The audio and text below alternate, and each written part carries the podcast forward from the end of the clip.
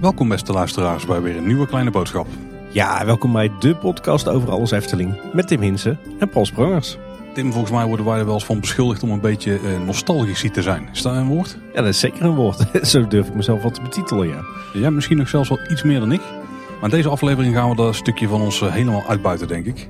Ja. De aflevering van vandaag die gaat over de zaken die wij missen in de Efteling. Ja, en dat is eigenlijk naar aanleiding van een vraag van een luisteraar, uh, Job van Tol. Uh, we kennen hem uh, niet alleen als luisteraar van Kleine Boodschap, maar ook als... hij is oppasser in Artis. Hij heeft ook een boek geschreven, De Oppasser over de geschiedenis van de dierentuin Artis aan de hand van diverse markante personen daar. Dus Job heeft ook echt al wat met, met de historie en met verdwenen zaken. En vandaar dat hij ons vroeg van wat zijn nou de zaken die jullie het meest missen in de Efteling? En even voor de volledigheid, er zijn dus zaken die wel ooit in Efteling aanwezig zijn geweest, maar die er nu niet meer zijn en die wij nog missen. Ja, precies. En dan kan het bijna niet anders dan dat daar zaken uit onze jeugd tussen zitten, vermoed ik. Er zit, als ik zo naar mijn lijstje kijk, dan zit er heel veel tussen uit de jaren negentig, ja. Uh, ja, dat is bij mij ook wel het geval, ja. Ja, ja, ja. Ja dan zou het zomaar eens kunnen dat er uh, wat uh, dubbelingen ontstaan tussen onze lijstjes, denk ik. Ik denk dat het helemaal niet vreemd is. En, en, ik denk dat het helemaal niet erg is, want het zijn hele persoonlijke lijstjes die we hier vandaag gaan melden. Heb jij er trouwens een top 10 van gemaakt, of zijn het gewoon 10 zaken in het algemeen die je mist? Het zijn gewoon 10 zaken in het algemeen. En, dus ik heb er zeker geen top 10 van uh, kunnen maken. Uh, dat vind ik ook heel lastig eigenlijk. En ik heb ook aardig wat eervolle vermeldingen. Maar ik denk als jij een bepaald item al hebt gehad, dat ik die dan even ga inwisselen voor een, een reserve item voor mijn lijst. Oké, okay, want ik heb, ja, ik heb toch wel een soort top 10 erin zitten. Hmm. Maar ik kan denk ik wel hetzelfde doen. Dan haak ik wel gewoon in als, het, als jij een hoger nummer al hebt gekoud. Maar ga ik toch proberen af te tellen. Oké. Okay. Uh, dan uh, ga ik improviseren. Dan uh, ga ik nog even snel een rangorde aanbrengen aan, in mijn lijstje. het is overigens wel zo, dat dacht, bedacht ik me toen ik dit lijstje zat te maken. en ik denk dat ik nu best wel wat mensen zal verrassen. Want ondanks dat ik een nostalgicus ben, kom ik erachter dat de zaken die ik mis, die op mijn lijstje staan, dat die lang niet altijd beter waren dan wat we nu hebben. Integendeel zelfs. Ik denk dat ondanks dat ik deze zaken die we zo gaan behandelen, dat ik die af en toe best wel mis dat ik niet per se uh, die zaken terug wil in plaats van wat we er nu hebben. Dat is een heel goed puntje, want dat is ook absoluut bij mij zo het geval. Bij, bij mij zit er ook wel heel veel gewoon, ja, weet je wel, toch een beetje het sfeertje wat dan rondom je jeugd hangt. Hè, toen dat alles nog onbezonnen is en dat je niet druk hoeft te maken om de grote mensen dingen en zo. En de dingen die je toen meemaakt in de Efteling, ik denk dat dat wel allemaal samenhangt en een beetje samenkomt in dit lijstje. Ja. Maar er zitten ook wel een paar dingen bij die ik wel heel graag terug zou willen zien in de Efteling. Ja, maar, maar, maar die, die jij ook beter vindt dan wat er, uh, ja. Wat er nu zit? Ja, zeker. Ja. Oh, dat verbaast mij. Ja. Ik uh, moest wel lachen. Er is natuurlijk een gevleugelde uitspraak van Walt Disney. Disney is not a museum. Uh, en ik moet zeggen dat ik van oudsher toch wel een dusdanige nostalgicus ben dat ik de Efteling graag als museum zou zien. Um, alhoewel er de laatste paar jaar wel wat is veranderd hoor. Uh, ik moet zeggen dat ik nu toch ook wel durf te zeggen, de Efteling is not a museum. Ja, nee, daar ben ik het sowieso mee eens. En ik snap ook heel erg wat Disney daarmee bedoelde. Het is geen openluchtmuseum, weet je wel. Wat daar staat hoeft en historisch niet per se correct te zijn. Dat is het sowieso niet. Maar de Efteling heeft, omdat het inmiddels zo oud is, wel een rijke historie opgebouwd. Maar ja, we weten gewoon hoe dingen vroeger werden gebouwd. En we weten dat het ook niet houdbaar is om die voor de eeuwigheid te bewaren. Uh, er zijn zaken waarbij dat wel het geval is. Nou, hopelijk houdt het dit allemaal lang vol. Maar ja, er zijn gewoon zaken, net als het huisje van Holle bijvoorbeeld. Die staat niet op mijn lijst overigens, want die komt als het goed is nog terug. Daar heb ik ook wel een beetje rekening mee gehouden. Ja, de, huisje was vroeger gewoon echt een, ja, dat was een krakkemikkig bouwsel. dat, dat er ooit mensen binnen hebben mogen lopen is al een wonder uh, geweest, denk ik. Maar die komt dan wel terug in andere vorm. En dan is natuurlijk de vraag van, hè, is het dan iets nieuws, is het dan echt weg geweest? Ligt ook een beetje aan de vorm waarin het terugkomt, denk ik. Maar dat is denk ik niet waar we het over gaan hebben vandaag. Vandaag gaat het echt over dingen die echt zijn verdwenen. En niet terug zijn gekeerd en ook niet terug lijken te gaan keren. Precies. Ja, en ik denk dat we ook niet echt vandaag heel rationeel gaan kijken van, uh, van uh, wat missen we nou en waarom en, en waarom missen we dat en uh, waarom is dat nou misschien beter dan wat er nu staat. ik denk dat dit toch ook wel een, een hoge mate van emotie is, toch? Absoluut, ja, zeker. Heel veel jeugdsentiment, heel veel goede herinneringen. Ja. Ik heb er zin in. Ik ook. Zullen we Siri weer gaan vragen wie mag aftrappen, Tim? Goed idee. De laatste paar keer rolt het kwartje toch wel mijn kant op. Of het, het kwartje. Ja, dat is ook meteen om in de goede uh, sfeer te komen van deze aflevering. Tim, mag jij voor kop of munt? Ik ga deze keer voor kop. Oké, okay, dus als het kop is mag Tim beginnen, is het munt, dan mag ik beginnen. Hey Siri, kop of munt? Deze keer is het kop. Hey, hey. kop Tim, dan mag jij beginnen. Ja, dan, ik heb inmiddels toch een top 10 aangebracht. een top 10 rangorde in mijn lijstje. En dan ga ik op plek 10 voor een evenement. Mhm. En dan denk ik dat je al wel een uh, voorgevoel hebt uh, welk evenement dat is. Ja, Midsummer Night. Inderdaad, Midzomernacht of Midsummer Night. Uh, een evenement dat uiteindelijk maar drie keer heeft mogen plaatsvinden in de Efteling. Ik durf zo even niet uit mijn mouw te schudden welke jaren dat is geweest. Maar mm, Eentje zijn... nog toen wij de podcast opnamen. Dus ik denk dat 2018 de laatste editie is geweest. Ja, precies. 2016, 17 en 18. ja, dat was wat mij betreft het, ja, misschien wel het mooiste evenement wat de Efteling ooit heeft georganiseerd. Met op, uh, op heel veel plekken in het park uh, gewoon hele mooie kleine intieme acts. Uh, mooie zomerse aankleding. Best wel alternatief. Best wel hippie eigenlijk. Voor een wat oudere doelgroep. Met drank en lichtshows. En ja, ik heb er gewoon zulke warme herinneringen aan. Ik ben de, alle drie de keer geweest. Alle drie met, met alleen Anne, zonder kinderen. en ja, dit was wat mij betreft wel ehm, een ehm, een evenement waarop je ook duidelijk ziet dat de Efteling een prachtig canvas is voor, uh, voor hele uiteenlopende evenementen. Dus nee, ik mis Midzomernacht enorm. En ik vind het ontzettend jammer dat dat, uh, dat dat nooit een succes is geworden. Want ik had maar wat graag ieder jaar Midzomernacht in de Efteling uh, gevierd. Want het evenement had echt wel, wel potentie. Kijk, ja, ik ben er dus nooit geweest. En waarom is ook een raadsel. Ik denk omdat ik gewoon dat niemand naartoe meekreeg of zo. Misschien was de aantrekkingskracht niet groot genoeg in het algemeen nog. Terwijl eigenlijk voor, uh, voor mijn gevoel was het juist heel erg bedoeld voor, uh, voor stelletjes van een jaar of dertig. Ja, maar dan hadden de kinderen natuurlijk ergens onder moeten brengen. En dan moet de aantrekkingskracht zo groot zijn dat je die moeite ook gaat nemen. Nou, ik eh, durf best te stellen, beste evenement, uh, hard ticket event in de Efteling ooit. Ik neem het achter elkaar aan van jou, want ik heb je er al zo vaak lijnd enthousiast over gehoord. ik had hem ook wel enigszins verwacht, ja. Maar nou wel, nostalgie technisch is hij natuurlijk niet zo heel sterk. Hij is vrij recent, ja. Maar dan gaat misschien nog komen over een jaar of tien. dus je met de weemoed aan terugdenken. Ja, precies. Dat doe je nu al een beetje. Ja, mijn nummer 10, en dan moet ik meteen terugkomen op iets wat ik denk ik nog geen eh, drie minuten geleden heb gezegd in de aflevering. Is uh, het Sprookjesmuseum in het Sprookjesbos. Oh, oké. Dat is toch het huisje van Rahol natuurlijk later ja. geworden. Want dat is een van de plekken waar ik in mijn jeugd echt enorm vaak ben geweest voor mijn gevoel. Ik heb daar echt zulke... Het is gewoon bijna dat ik een video in mijn hoofd kan afspelen van hoe ik door dat huisje heen loop. Door het museum in dat geval dan met een aantal objecten die daar konden zien. Ik weet dat dat de echt altijd zeer veel indruk maakte die daar op het uh, kussentje lag. En uh, vooral het knuppeltje in de zak wat daar achterin zat te bonken. En ik vind het best wel jammer dat we zoiets niet meer in de Efteling hebben op dit moment. Ik snap dat het storytel technisch niet echt past in het sprookjesbos. Maar aan de rand van het sprookjesbos zou het toch wel cool zijn om een paar van die onderbelichte sprookjes om, om daar wat meer van te laten zien. En dat is precies wat ze vroeger deden in het Sprookjesmuseum. Want voor iedereen die dus niet mee bekend is, volgens mij hebben we het al regelmatig aangehaald. Maar vroeger was het zo dat als je op het Ruitenplein aankwam, dan had je daar het huisje wat voorheen het huisje van Verholen was en nu een kale vlakte. Ja. Helaas. Dan kon je vanaf de, ja, de ingang van, vanaf uh, de ezel kon je er eigenlijk in. En dan waren daar een paar sprookjesobjecten uitgesteld in het huisje wat, je, wat van binnen ook echt nog, ja, daar, daar was echt op en top Eftelings wat mij betreft. Met Zeker, houten balken, ja. stukwerk, et cetera. Je kent het wel. De, de vitrine die, uh, die daar in het midden stond, die staat nu in het Efteling Museum. Hè? Die staat nog in het Efteling Museum, ja. Maar het is vooral het, ja, het hele kneuterige en bijna alsof dat uh, iemand die, die door al die sprookjes heen heeft bewogen, die objecten heeft verzameld en daar heeft gestald, zeg maar. Uh, daar maakt het zo, ja, ik, ik vond een heel sfeervol plekje en ik kon er altijd heel graag, en ik ging voor zover ik me kan herinneren, regelmatig ook naar binnen. Net zoals gewoon dat we bij de sprookjes gingen kijken. Ja, ja en er zaten heel veel effectjes in. Hè? Heel veel toffe effecten. Wat je al zei, de, de knuppel die we nu kennen uit de herberg De Eersteling. Als je die vastpakte, het traliewerk, dan begon niet te kloppen. En er was achterin was er ook nog een hele aparte ruimte. Met een in- en een uitgang. En dan stond je oog in oog met de spiegel van de stiefmoeder van Sneeuwwitje. Ja, zeker. Ja, was ook heel tof. Ja. Nou, schitterend gebouw met een heel, hele mooie historie. Stond al uit de jaren 40. Was toen eigenlijk het, het clubhuis van de lokale scouting. Uh, in de oorlogsjaren of na de oorlogsjaren nog bewoond. En uiteindelijk dus uh, eigenlijk geïncorporeerd in het Sprookjesbos toen dat werd gebouwd. Eerst als souvenirwinkeltje en later inderdaad als sprookjesmuseum. En nog later als ja, het huisje van vrouw Holle. En toen het een Sprookjesmuseum was, voelde ik een beetje als zo'n verborgen plekje in, in het Sprookjesbos of zo. Was ik, volgens mij, tenminste ik kan me niet herinneren dat er hele grote borden bij stonden of pijlen naartoe wees of zo. Het was gewoon een deurtje waar open stond. En als je daarin ging, dan, ja, dan ontdek je daar al die, die sprookjesattributen. Het was er ook altijd heel rustig. Ja, zeker. Ja. Rook er een beetje, beetje vochtig. Ja. Plavuis op de, op de vloer. Uh, stukwerk aan de wanden. Kleine raampjes. was een, een hele toffe ruimte. En heel hoog ook trouwens. Ja, ja.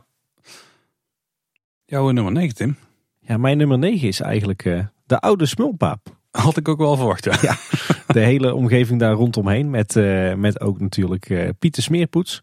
De oude pergola, de, overkapping uh, waar je onder kon eten aan de lange tafels. Met dat mooie bord van Pieter Smeerpoets erboven. Dat vinden we natuurlijk ook terug in de Olijke Tweeling. En dan natuurlijk de, de Smulpaap zelf. Hè, dat hele lange, langgerekte gebouw. Met links en rechts die, die dames, die kariatide onder de overkapping. Allemaal mooi opgemetseld met ijsselsteentjes. Uh, helemaal met mooie houten luiken. Met, met allerlei figuren erop. Een prachtig bord er ook weer boven. Ja, zowel eigenlijk de Smulpap als Pieter Smeerboets vond ik echt twee pareltjes van gebouwen in, in de Efteling. Die pasten daar ook prima op het Antropiekplein. Natuurlijk nog met Moeder Gijs ernaast. En ook heel veel zand eigenlijk nog. Op de een of andere manier herinner ik me ook altijd ja. dat daar weinig bestrating was. Dat je daar echt nog door het zand liep te stoffen. Uh, en achter die smulpap had je dan uh, natuurlijk het, uh, het ja, een beetje het kermisplein eigenlijk. Hè? Nou, dat mis ik niet, want dat heb ik nooit echt heel mooi gevonden. Maar zeker die oude smulpap met dat Pieter Smeerpoets ervoor en die Anton Pieckmolen en Moeder Gijs. Dat, ja, dat vond ik altijd wel een heel sfeervol plekje in, in de Efteling. Maar het is wel typisch zo'n voorbeeld waarvan ik zeg van ja, ik kan niet ontkennen dat de huidige smulpaap wel een stuk mooier en professioneler is dan, dan wat we daar hadden. Maar ik heb wel echt aardig wat, wat tijd versleten daar in die omgeving. Niet alleen als, als kleine jongen die daar een frietje of een kroketje ging halen. Maar ik heb er ook nog een tijdje gewerkt zelfs, ook nog in de oude smulpaap. Dus daarom koester ik toch wel mooie herinneringen aan die hoek van het park. Herinneringen waar je ons al regelmatig in hebt meegenomen, Tim. ja, inderdaad.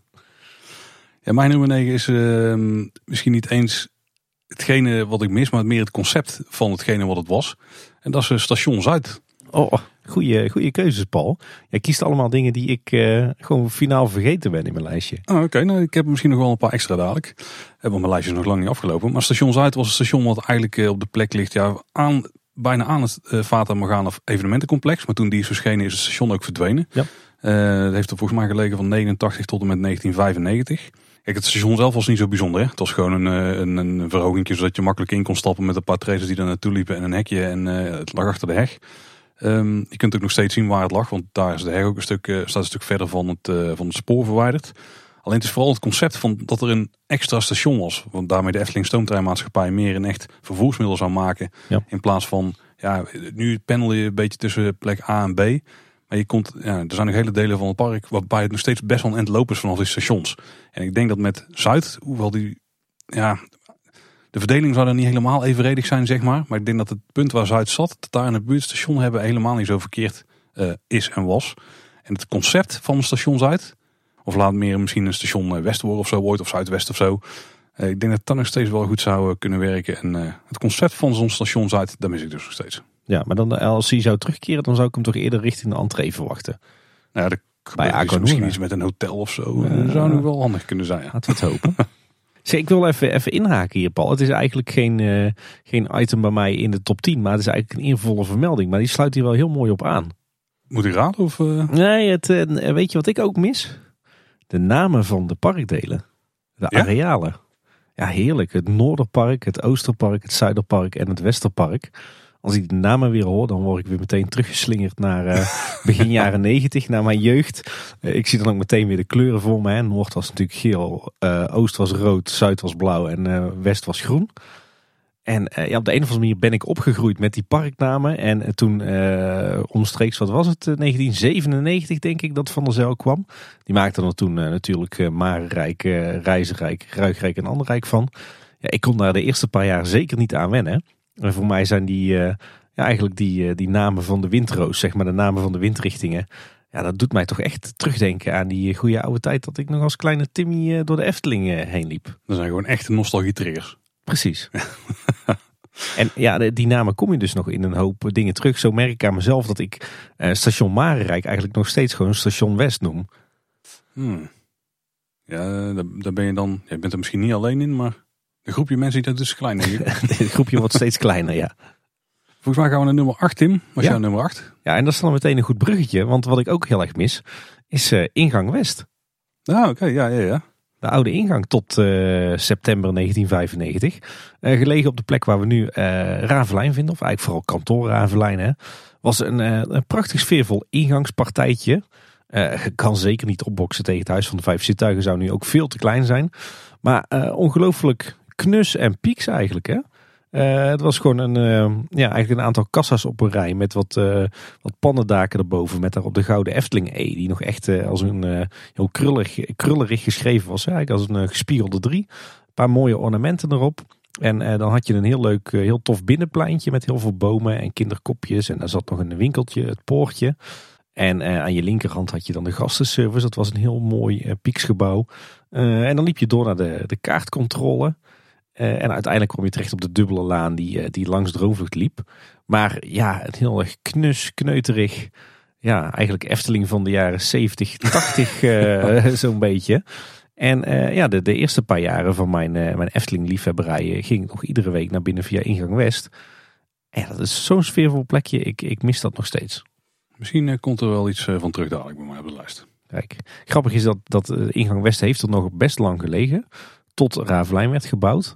Uh, en ik ben ook wel een paar keer nog uh, bij Ingang West terechtgekomen.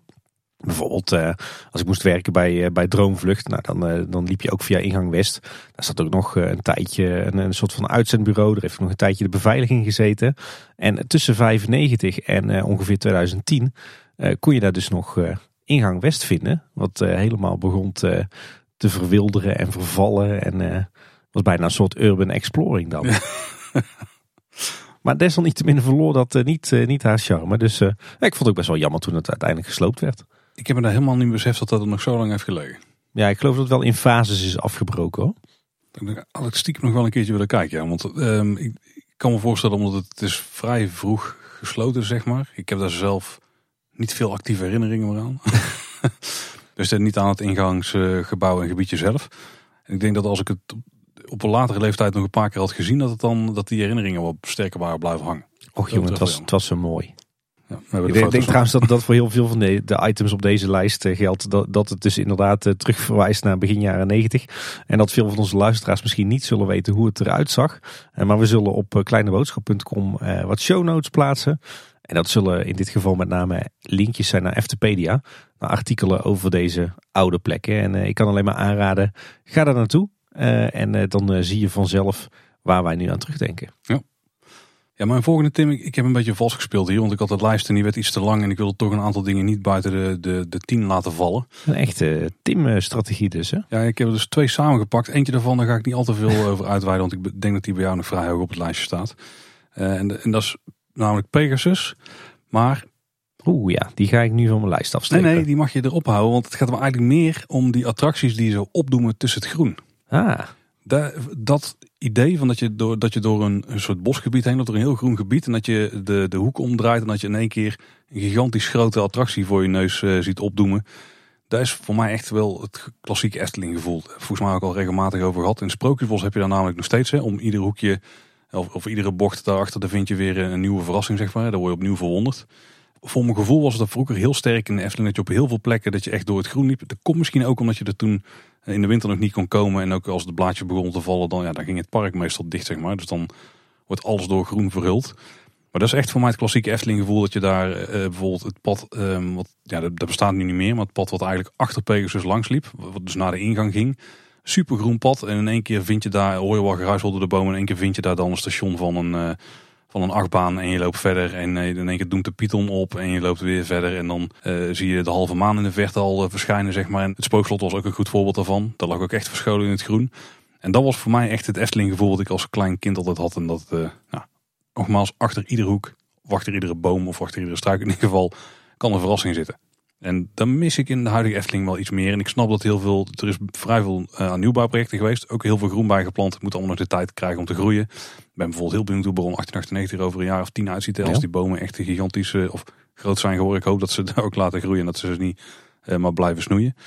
En dat het gevoel weer een beetje terugkeert. Want dan mis ik toch wel op dit moment in Efteling. Ja, ik moet zeggen, bij mij op de lijst staat als eervolle vermelding ook wel uh, de bomen en ook de bloemen die ik mis. Gewoon überhaupt gewoon, dat er, gewoon, er is gewoon sinds onze kinderjaren eh, heel wat groen toch wel verdwenen. Efteling bestond natuurlijk uit heel veel best wel grote dichte bosgebieden. En er zijn er maar weinig van over. Ik denk dat het enige, uh, nou dat is trouwens niet waar. Ik wou zeggen het enige originele bosgebied wat nog over is, is uh, ligt achter het spookslot rond het heksenpad. Maar we hebben natuurlijk nog wel meer originele bossen in de Efteling. Daar moeten we niet over overdrijven. Maar voor mijn gevoel was de Efteling vroeger één groot bos waarin je wat attracties terugvond.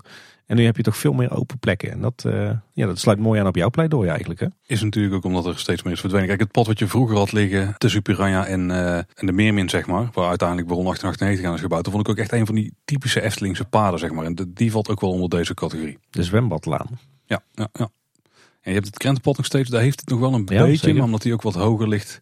Uh, zeker de kinderspoor daar is komen liggen. Is het al iets minder geworden, zeg maar. Want je, je hebt gewoon best wel wat uitzicht daar. Dus, uh, nou, dat wordt typisch wat mij betreft. Het is nog op plekken, maar op wat grotere schaal mis ik het wel op dit moment. Ik eh, kan het daar alleen maar mee eens zijn. Ik zit trouwens ondertussen op Eftepedia wat foto's op te zoeken van ingang West. Oh jongen, het is genieten. Ik, ik heb zelfs die, de geur van die, uh, van die omgeving weer terug in mijn neus zitten.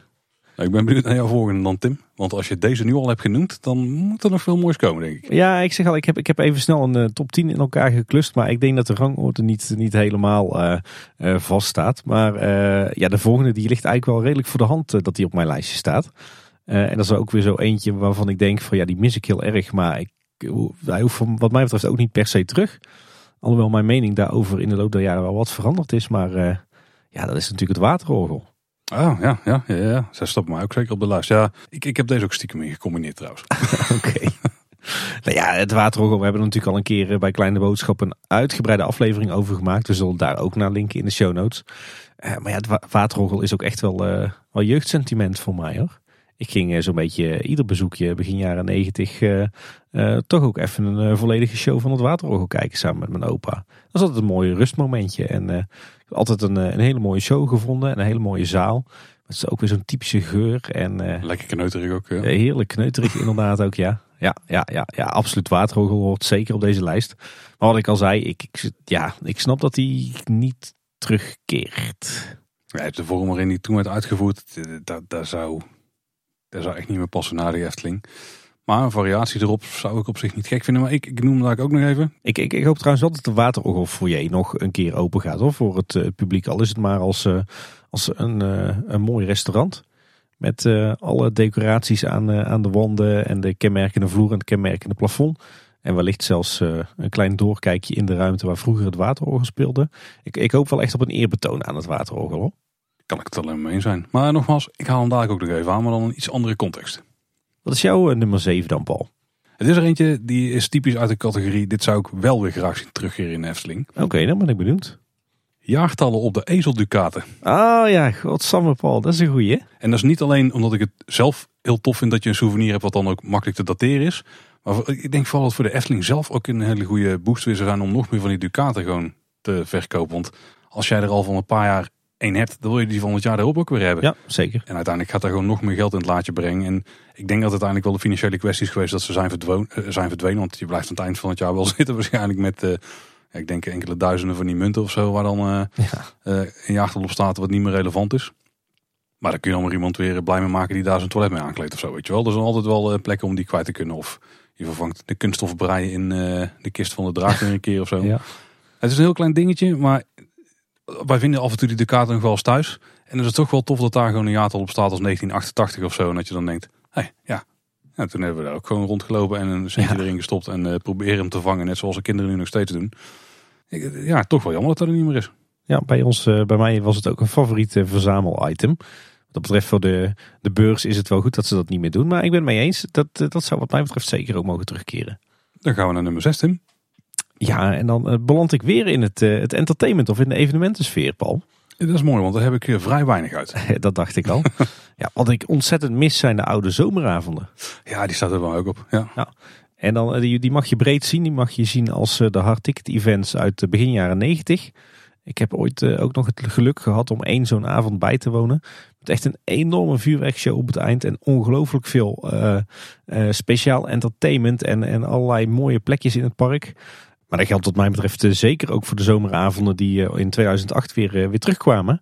Met een groot podium op de speelweide en, met op verschillende plekken in het park optredens van bekende en minder bekende artiesten.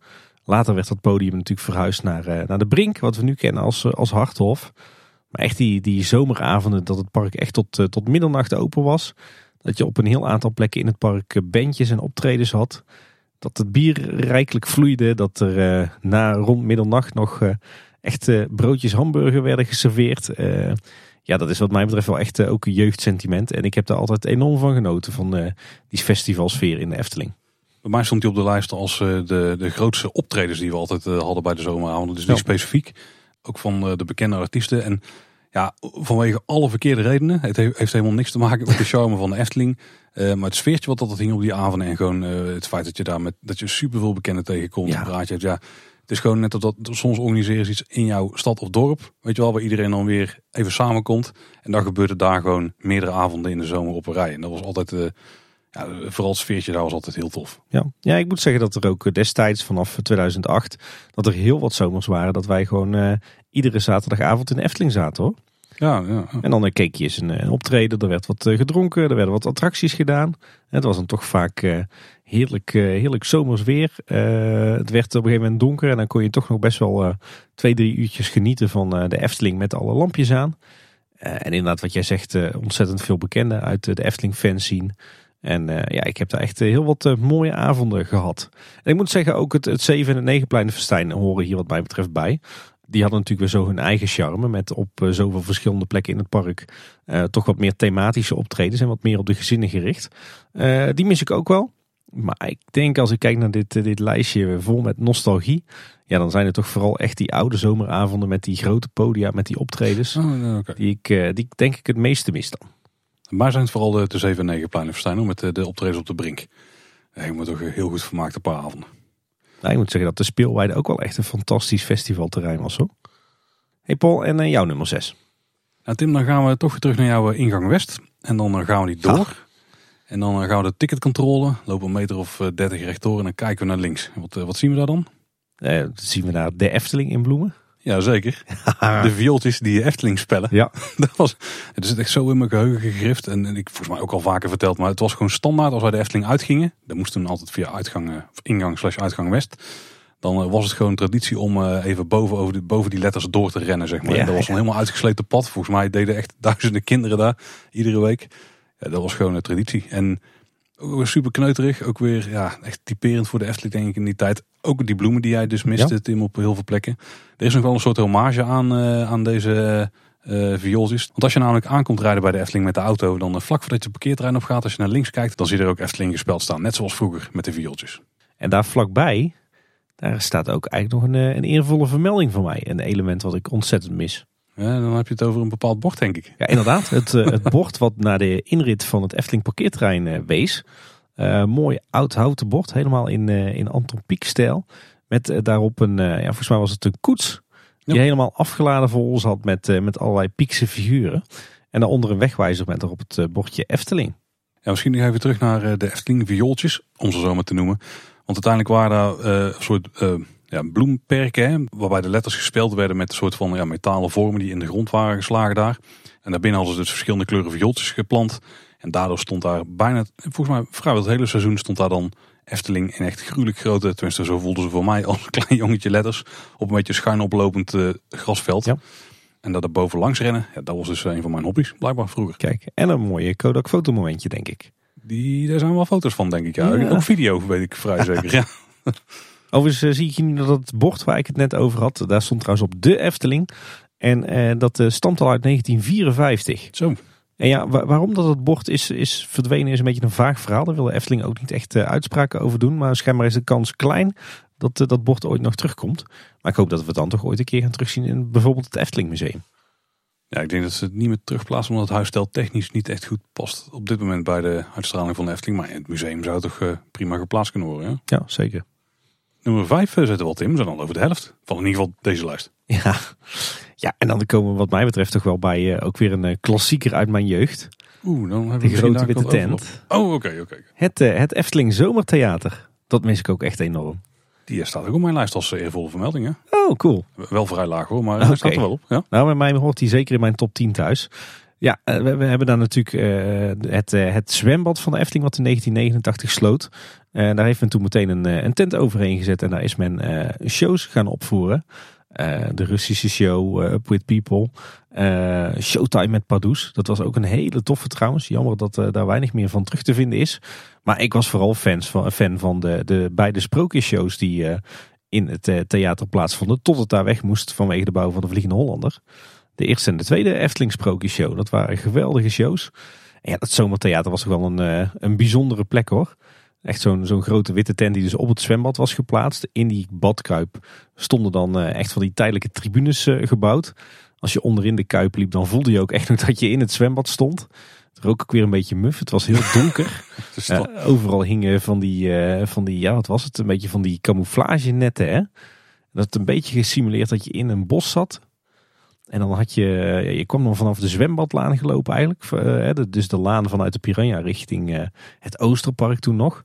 Had je vaak aan het pad eh, had je een bord staan met daar op de show aangekondigd. In de beginjaren weet ik nog dat je dan echt nog onder een poort door moest. Dat was volgens mij de, de vroegere poort van het zwembad. En dan kwam je op een soort voorplein. Waar je ook nog lange tijd allemaal voorzieningen van het zwembad hebt gevonden. Dat was ook een vrij groot plein trouwens. Ja, ja. echt zo'n 30-30 tegelplein met heel veel bomen. ja. En dan moest je wachten voor een, uh, voor een groot hek. Gewoon echt zo'n heer als hekwerk. Hè? En dan uh, een kwartier voor aanvang van de show of zo, dan ging dat hek open. En dan liep je zeg maar, tegen de gevel aan van het zomertheater. Want volgens mij weet je in pastelgeel en rood en donkerblauw tinten. En dan kon je links en rechts van die gevel kon je een heel donker gangetje in. En dan stond daar de airco te loeien. En dan ging je door een dubbele deur en dan kwam je in de tent. Ja, op de een of andere manier uh, heb ik toch heel wat tijd van mijn jeugd in die tent besteed. Dus dat is wel echt een, een heel uniek plekje dat ik nog best wel mis. Dan staat hij nog. Ja, nou, ja. de volgende bij jou was ik niet heel erg. Nee, die is redelijk vloeibaar. Ja.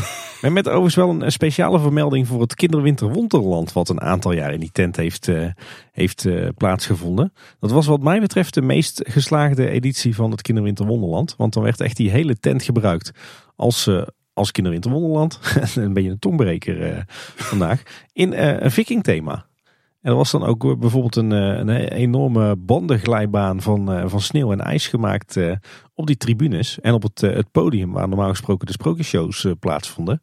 Daar had je, had je horeca en terrassen. En ja, je kon dan echt heel die tent door. Dat was ontzettend gaaf. Een heel tof sfeertje. Ik kan me niet bewust herinneren dat ik ooit ben binnen geweest eigenlijk. Oh, zonde. Dat was heel tof. Ja. Ja, de sprookjeshows waren natuurlijk gewoon top. Hè? De, wat mij betreft de beste shows die de Efteling eh, ooit heeft gehad. Nog steeds. Ik, eh, ook daar heb ik jou al heel vaak over moeten horen.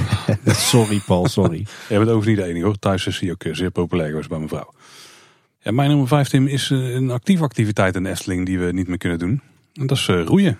In het algemeen, maar toch wel met een speciaal plekje voor de, de roeiboot op de Vonneplas. Want dat was een van die, van die activiteiten die deden wij wel eens met het gezin. En ik kan me nog herinneren dat ik als klein paltje daar nooit naar uitkeek. Maar iedere keer als we erin zaten, dan kwam ik er toch wel met een redelijk ja, big smile uit. Ik vond dat eigenlijk echt wel een hele mooie activiteit om daar te doen. Ook in een hele mooie omgeving toen. Hè. De oude Vonneplas nog met het pad eromheen en de brug die daar nog lagen. Ja, prachtig. Je had dan de mooie aanleg. Ja, het was geen stijger natuurlijk, hè, maar die uitlopen vanaf, uh, vanaf de rand eigenlijk een beetje de hoek daar.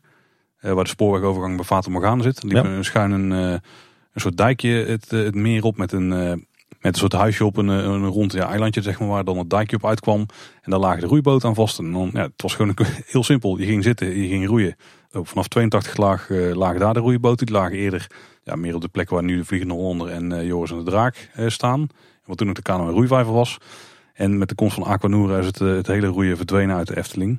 Want kano kan op dat moment ook al niet meer in de Efteling. Maar specifiek de, de roeiboten, ook van die oude houten schuiten, en toch een beetje die actieve attractie die je daar in het park had. Uh, en dus in de omgeving waar je het deed. Ja, ik heb er hele goede herinneringen aan. En uh, toch best jammer dat dat is verdwenen. Hoewel Aquanura geen verkeerde vervanger is. Uh, nee. Ik moet zeggen, hij staat ook op mijn lijst, maar hij staat zelfs nog een stuk hoger. Oh, hoger nog? Ja. Heb ik dan gras op voor voeten weggemaaid? Of... Ja, toch wel. Ik, zal, ik, zal, ik laat hem staan, dan kom ik er zelf nog even op terug. Oké, dan, dan, dan, hou ik er nou ook over op. Dan gaan we naar nummer 4, Tim. Ja, en dan gaan we naar een horecapunt. Het is niet de. Uh, het is niet smulpaap. Nee, die hebben we al gehad. Nee, daarom. Het zal er niet de kurkentrekker zijn. Nou, die komt uh, misschien ook nog wel terug op deze lijst. Ook nog? Ja. nee, het is het, uh, het oude witte paard. Oude witte paard, oké, ja. En dan bedoel ik niet het witte paard zoals we dat kenden voor de huidige verschijningsvorm van het witte paard. Hè. Dus ja, een beetje die Laplace met, met heel veel Jugendstil en, en heel veel groen. Maar dan bedoel ik echt het witte paard voor 2001. Toen het nog echt een Brabants koffiehuis was. Ook daar heb ik dus weinig echte herinneringen meer aan. Ja. Oké, we nemen ons even mee. Ja, dat was geweldig. Dat, het, het, gebouw was natuurlijk nog redelijk uh, vergelijkbaar met wat het nu is. Tenminste, nu heb je aan de buitenkant al die luifels zitten. Die had je toen niet. Toen keek je gewoon mooi tegen de witte gevel van het restaurant aan. Met die, uh, die mooie beeldhouwwerken aan de buitenkant. Hè. Die, uh, eigenlijk dat relief met, met die schaal met al die, dat fruit erin. Dat zit nu natuurlijk een beetje, een beetje verstopt achter die luifels. maar daar kijk je toen op. En van binnen, ja, van binnen zag het er gewoon heel anders uit. Het witte paard nu is vrij laag, maar je keek toen echt nog uh, helemaal naar boven, naar het, uh, naar het dak. Inmiddels uh, zit daar een, een plafond onder en daartussen zit allemaal isolatie en installaties en dergelijke. Maar toen keek je echt nog naar, ja, eigenlijk naar de balken van het dak en het dakbeschot. een hele hoge zaal, plavuizen vloer. heel veel van die, van die echte Eftelingse kroonluchters, waarvan we er nu nog een paar terugvinden in het witte paard mooie ornament uh, rond uh, de kolommen. Ja, dat is gewoon een, voor mijn gevoel een veel grotere zaal dan wat we nu hebben. En in plaats van die, die free flow uh, die we nu hebben, dus de plek waar je zelf rond kan lopen en je maaltje bij elkaar kunt scharrelen, had je, had je helemaal achterin, een beetje op de hoogte van waar je nu de balie hebt waar je je warme eten kunt halen, had je een enorme wand met, met allemaal kassa's. En daar deed je dan je bestelling en dan deed je een stap opzij en dan kreeg je daar aan de toonbank je eten. En dat was ook overigens een prachtig buffet. Want het was helemaal versierd met, uh, met allemaal ijzeren krullen en een aantal prachtige borden met uh, piekse schilderingen van uh, koks. Met een varken, met een appel in zijn mond. En ja, dat, dat witte paard, dat was gewoon ultiem Eftelings en ultiem pieks. Ook al een klein beetje kneuterig. Met ja. de plavuizenvloer. En het was ook een vrij donker gebouw. Maar nee, dat was echt ongelooflijk sfeervol. En ja, wat dat betreft kan ik alleen maar zeggen, ga alsjeblieft op Eftepedia kijken. Daar hebben ze gelukkig nog aardig wat, uh, wat foto's van het oude Witte Paard. Maar uh, ja goed, het Witte Paard is voor mij nog steeds een plek, een pleisterplaats waar ik heel graag kom. Maar de Witte Paard van voor 2001, dat was echt een, een plaatje. Echt doodzonde dat ze dat destijds hebben gemoderniseerd.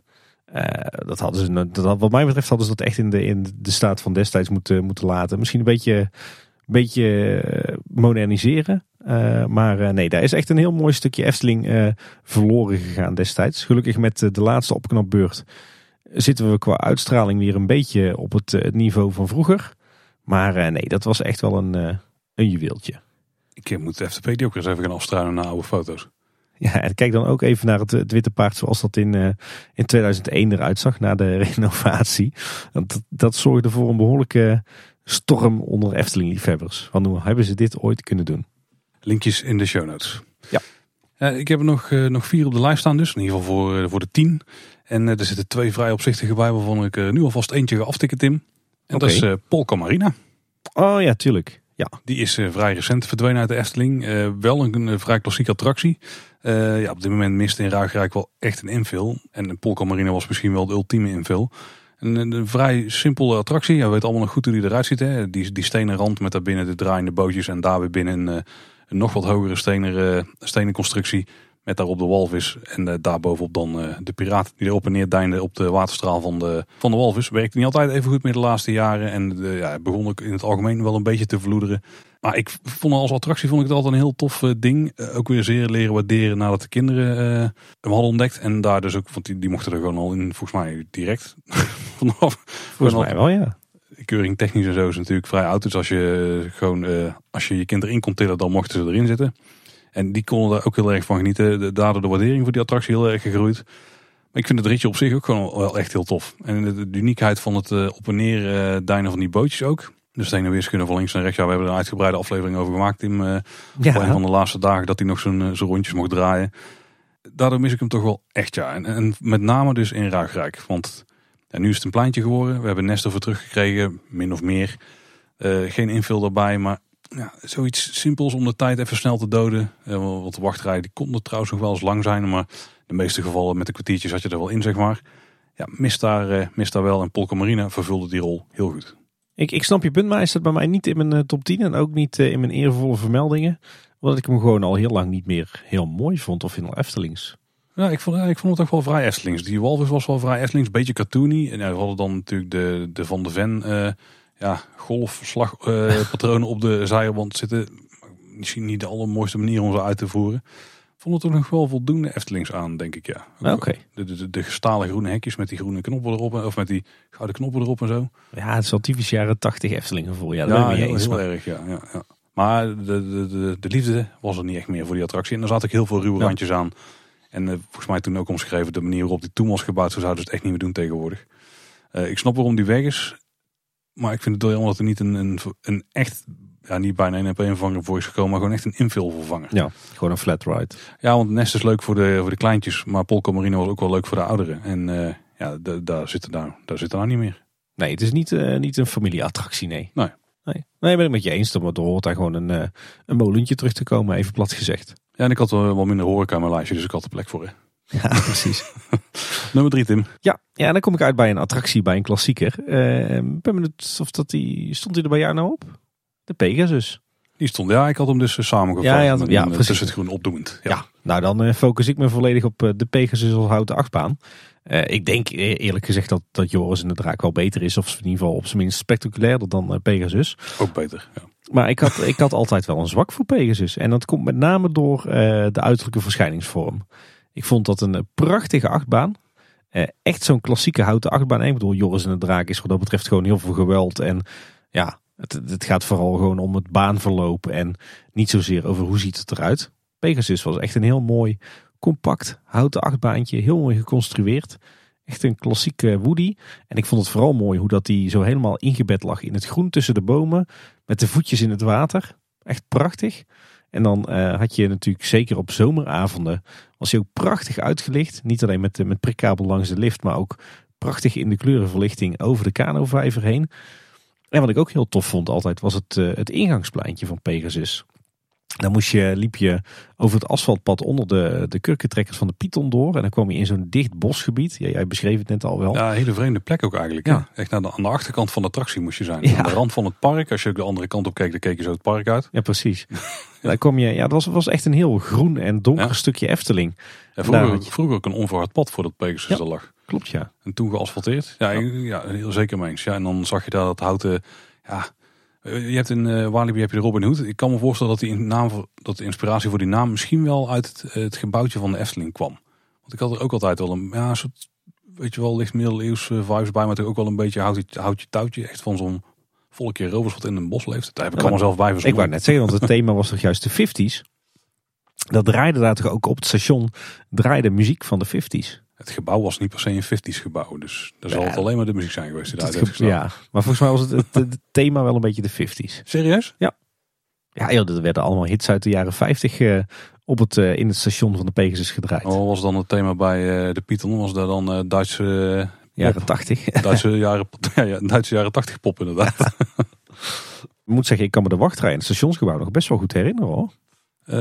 Stationsgebouw, ja, ook wel, ja. Over de wachtrij zeker vooral die, die eh, ja, we zouden het tegenwoordig noemen. Het is geen varkenstal, want er zat geen eh, dak overheen, maar Het De was echt meandering eh, buiten? Ja. Ja. het was echt zigzag tussen de bomen. Hè?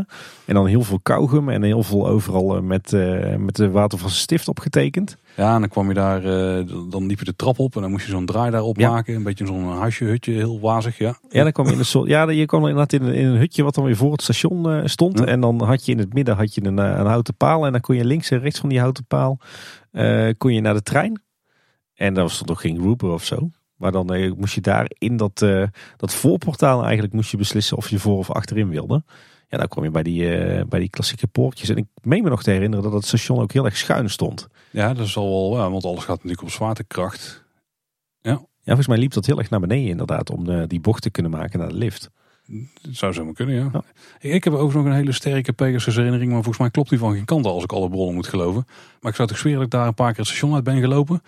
En dat ik dan naast gewoon de standaard, eh, zeg maar die brug die ze er hadden geconstrueerd, dat je ook nog over de wankelbrug eruit kon lopen. Alles wat ik erover lees, daar zegt mij toch dat daar nooit het geval is geweest. Nee, volgens mij was die wankelbrug al weg toen eh, de Pegasus werd eh, ge- geopend.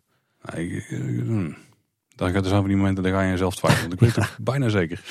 Nou, misschien, misschien in het eerste jaar of zo? Ja, ik weet het ook niet, maar op FTP daar kan ik er in ieder geval niks van lezen. En ik heb ook nooit een foto of, een, of iets ervan kunnen vinden die dat bevestigt. Maar Overigens was dat ook nog wel een heel avontuur. Want als je inderdaad uit de Pegasus kwam, dan moest je eerst met de trap naar beneden. En dan had je een, eh, een eh, houten loopbrug door het water. En die kwam aan, eh, aan de kade. En dan had je aan die kade ook de kurkentrekker liggen. Dat was zeker zo, maar als je dan nog sneller een rondje wilde maken, dan moest je stiekem echt de tering aan het lopen voordat je weer bij het station was. Zegt dat wel, ja. Want het is een beetje de afstand, ja, waar is mee te vergelijken. In principe loop je, heb je het ingangsplein van de Vliegende Hollander. En als je dan helemaal naar de achterkant van Joris en de Draak zou lopen. Dat is weer een beetje de plek waar dan de ingang zit. Maar dan moet je met een bocht er ook nog omheen ook. Via de kurkentrekkers. Dat was heel onhandig, ja. Ook omdat eh, de mensen, eh, mensen die niet vaak in de Efteling kwamen, eh, gezinnetjes waarvan de kinderen dan in de Pegasus gingen en de ouders niet, die bleven dan zitten bij de ingang. En vervolgens kwamen de kinderen er helemaal aan de andere kant uit. Ja, dat was niet handig. nee. moet, moet zeggen dat ik de kurkentrekker ook nog wel wil benoemen hoor, het horecapunt. Het, ook een beetje dat 50 sfeertje. Volgens mij kon je er eh, soft ijs krijgen, slagroom, wafels, slushpuppy. Weet je, dat eh, echt dat jaren 90 aanbod hè. Ja, zo zag het er ook wel uit qua horecapunten trouwens. En het zat zowel aan de uitgang van het Zomertheater als aan de uitgang van eh, de Pegasus. Dus ik ben daar heel veel te vinden geweest. Ik heb er aardig wat soft ijsjes genuttigd. Aardig wat guldens eh, weggegooid. ja, guldens ja. ja. Mis je die ook Tim de Gulden? Ja, toch wel hoor. Ja, toch wel? Ja, ja, ik heb Oh. zelfs een horloge met een gulden erin. Wow. Hij laat hem weer even zien. Zo. De nostalgisch hier aan tafel. Ja, precies. ik doe maar met de euro's toch wel een stuk praktischer. En Jouw nummer drie, Paul. Ja, ik dacht dat ik met eh, de jaartal op de munt al een vrij klein item had. Maar ik heb misschien nog wel een kleinere. Alhoewel, ik denk dat die net iets groter was. Maar het scheelt niet veel. Tim, let op. Ik weet niet eens zeker dat jij ze wel kent. Maar ik mis de heksenstaven die je kon kopen bij het spookslot. Enig idee wat ik bedoel? Eh, nee. Heksenstaven zijn eh, een snoepje. Snoepje. Ja, want eh, in eerste instantie had ik de stroopsoldaatjes opgeschreven. Maar toen besefte ik me dat je die volgens mij nog steeds gewoon kunt kopen. Volgens mij wel, ja. De, maar de heksenstaven, dat, dat, dat- herken je die, ehm, die, het zijn eh, van die harde, ja, dropachtige snoepjes met een hoop salmiak erin. Ja. Een beetje van die staafjes Ja, ja. van een centimeter of twee eh belang en dan denk ik diameter van ja, een millimeter of eh, zeven of zo. Maar die had je dus ook van een centimeter of tien lang in zo'n eh verpakkingje met een heksje erop. En dat, dat waren heksenstaven, ze werden ook verkocht. En die kon je kopen bij eh, de Witte Walvis, dus achter het spookslot. Ja. En eh, dat was ook wel vaste prikker. Volgens mij 50 eh, gulden cent. En dan kreeg je zo'n staafje mee. Die heb ik vrij veel versleten. En salmiak kon je dat toch ook krijgen? Nou ja, dat, de heel die staven zaten sowieso vol met salmiak. dus de, die kon je daar ook krijgen. Maar je kon ook poeder kopen volgens mij. Ja, maar bij Ja. mij waren die, die heksenstaven waren echt favoriet. Samen met de stroopsoldaatjes overigens. Maar ik denk dat ik wel meer van die heksenstaven daar heb gescoord. En ik heb geen idee waarom ze zijn verdwenen. Je kan ze ook nergens meer kopen. Misschien dat er een soort van voedsel- en warenwet of zo is gekomen. Dat de hoeveelheid zout die erin zat, dat die niet meer acceptabel was voor kinderen. ik heb geen idee. Ja, volgens mij is het probleem ook een beetje dat salmiak ontstaat eh, door een chemische reactie. Ik geloof dat je dan echt eh, zoutzuur en zwavelzuur bij elkaar mengt en dan krijg je salmiak. Ook serieus. Ja. Maar er zijn nog steeds heel veel snoepjes die wel salmiak hebben. Sterker nog, die kleine heksenstaafjes, die bestaan nog steeds. Daar moet dus induiken. Maar in ieder geval, ze bestaan nu niet meer. Je kunt ze ook niet kopen op internet. Ze zijn nergens meer verkrijgbaar. Ook niet meer in de Efteling. En ik mis het toch wel, want dat was echt mijn favoriete snoepje. Toen ik daar als een klein paltje rondhuppelde en eh, nog net de gulden meekreeg om iets te kopen in het park. Dan kreeg je riant eh tractement mee. Nou, 50 cent, 50 gulden cent, kon je dan of een paar kikkertjes verkopen of zo, weet je wel. Ja. Een, Kwa- een- kwartje. Een staafje was prima, ja. We worden oud, Paul. Ja, zeker. Maar daar zijn we wel vaak op geweest. Ja, door de spiegel die ik iedere ochtend eh, zie. Nummer eh, twee, Tim. Ja, Paul, ik heb een zwak voor actieve attracties in eh, pretparken. Ik eh, vind het heel jammer dat er eh, steeds meer actieve attracties verdwijnen uit pretparken. En dat je eigenlijk tegenwoordig, als je in een pretpark gaat, dat je bijna alleen passieve attracties doet. Dus je gaat zitten en je maakt dat mee. Kan een achtbaanrit zijn, kan een dark ride zijn. Ik hou wel van een, eh, een goede mix tussen passieve en actieve attracties. Dus dat er ook een paar plekken in een park zijn waar je even je, wat, wat moet doen. Je energie kwijt kunt. Eh, even jezelf een beetje, nou ik zeggen een beetje afreageren, maar dat is wel heel negatief. Maar nee, gewoon even, even ook wat moet doen, dat je energie kwijt kunt. En eh, in de Efteling hebben we tegenwoordig denk ik als enige actieve attractie nog eh, het kinderspoor, de traptreintjes. Je zou kunnen stellen dat speeltuinen in principe ook actieve attracties zijn. Maar goed, daar doen wij als volwassenen dan weer niet heel veel in. Maar eh, mijn nummer twee en mijn nummer één zijn twee actieve attracties die ik mis. Ook omdat ze prachtig in het, het groen lagen. En op eh, plek 2 staat bij mij de kanovijver. Kamervijver specifiek. Ja. Ja. Ja, Heb de- ik jou al wel eens over gehoord. Ja. Je hebt daar... eh, ja, ja. Ik heb daar warme herinneringen aan. Ja, de kanovijver is natuurlijk de, de vijver waar nu eh, ja, de Vliegende Hollander en de Baron en de Piranha en Joris en de Draak aan liggen. Maar in eerdere tijden ja, lag er eigenlijk, stond alleen eigenlijk de Pegasus in de kanovijver. En verder was het gewoon een enorme waterplas, helemaal omzoomd door bomen.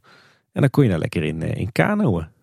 En Pegasus er lag ook zo'n mooie ja, houten bebording omheen. Ja. Zodat je met je kano niet verder kon. Dat je daar mooi tegenaan kon botsen. Ja, en dan precies. niet tussen de supports kon varen. Ja. En eh, ja, als je wilde gaan kanoën, dan moest je richting het spookslot. En dan had je aan de achterkant natuurlijk het, eh, het plein aan de achterzijde van het spookslot. En dan kon je recht doorlopen naar de Piranha. Eh, maar je kon ook naar links en dan liep je een beetje, ja, waar liep je dan? Weet je, zoals je nu naar uh, Baron 1898 loopt eigenlijk. Ja, je kon dan iets meer naar rechts afwijken en dan lag daar het, uh, het huisje waar de kano's ja. ook weer bij lagen aan de vlonder. En dan was ook weer zo'n typisch plekje wat volgens mij helemaal niet verhard was. Volgens mij was het allemaal gewoon zand. Lag er helemaal verscholen in de bomen. Daar stond een heel prachtig boothuis. zoals jij het ook al eerder hebt benoemd bij de roeivijver. Met uh, gemetselde ijzelsteentjes en daar een houten huisje op. Ontzettend pieks. Ja, als je een beetje nog die stel zien, dan moet je naar de Zes Zwanen gaan. Hè? Daar, uh, het wachtershuisje daar heeft een beetje die stel in de vorm is uh, anders. Ja. Dat is wel een prachtige eerbetoon eraan. Ja, dat kan haast niet anders.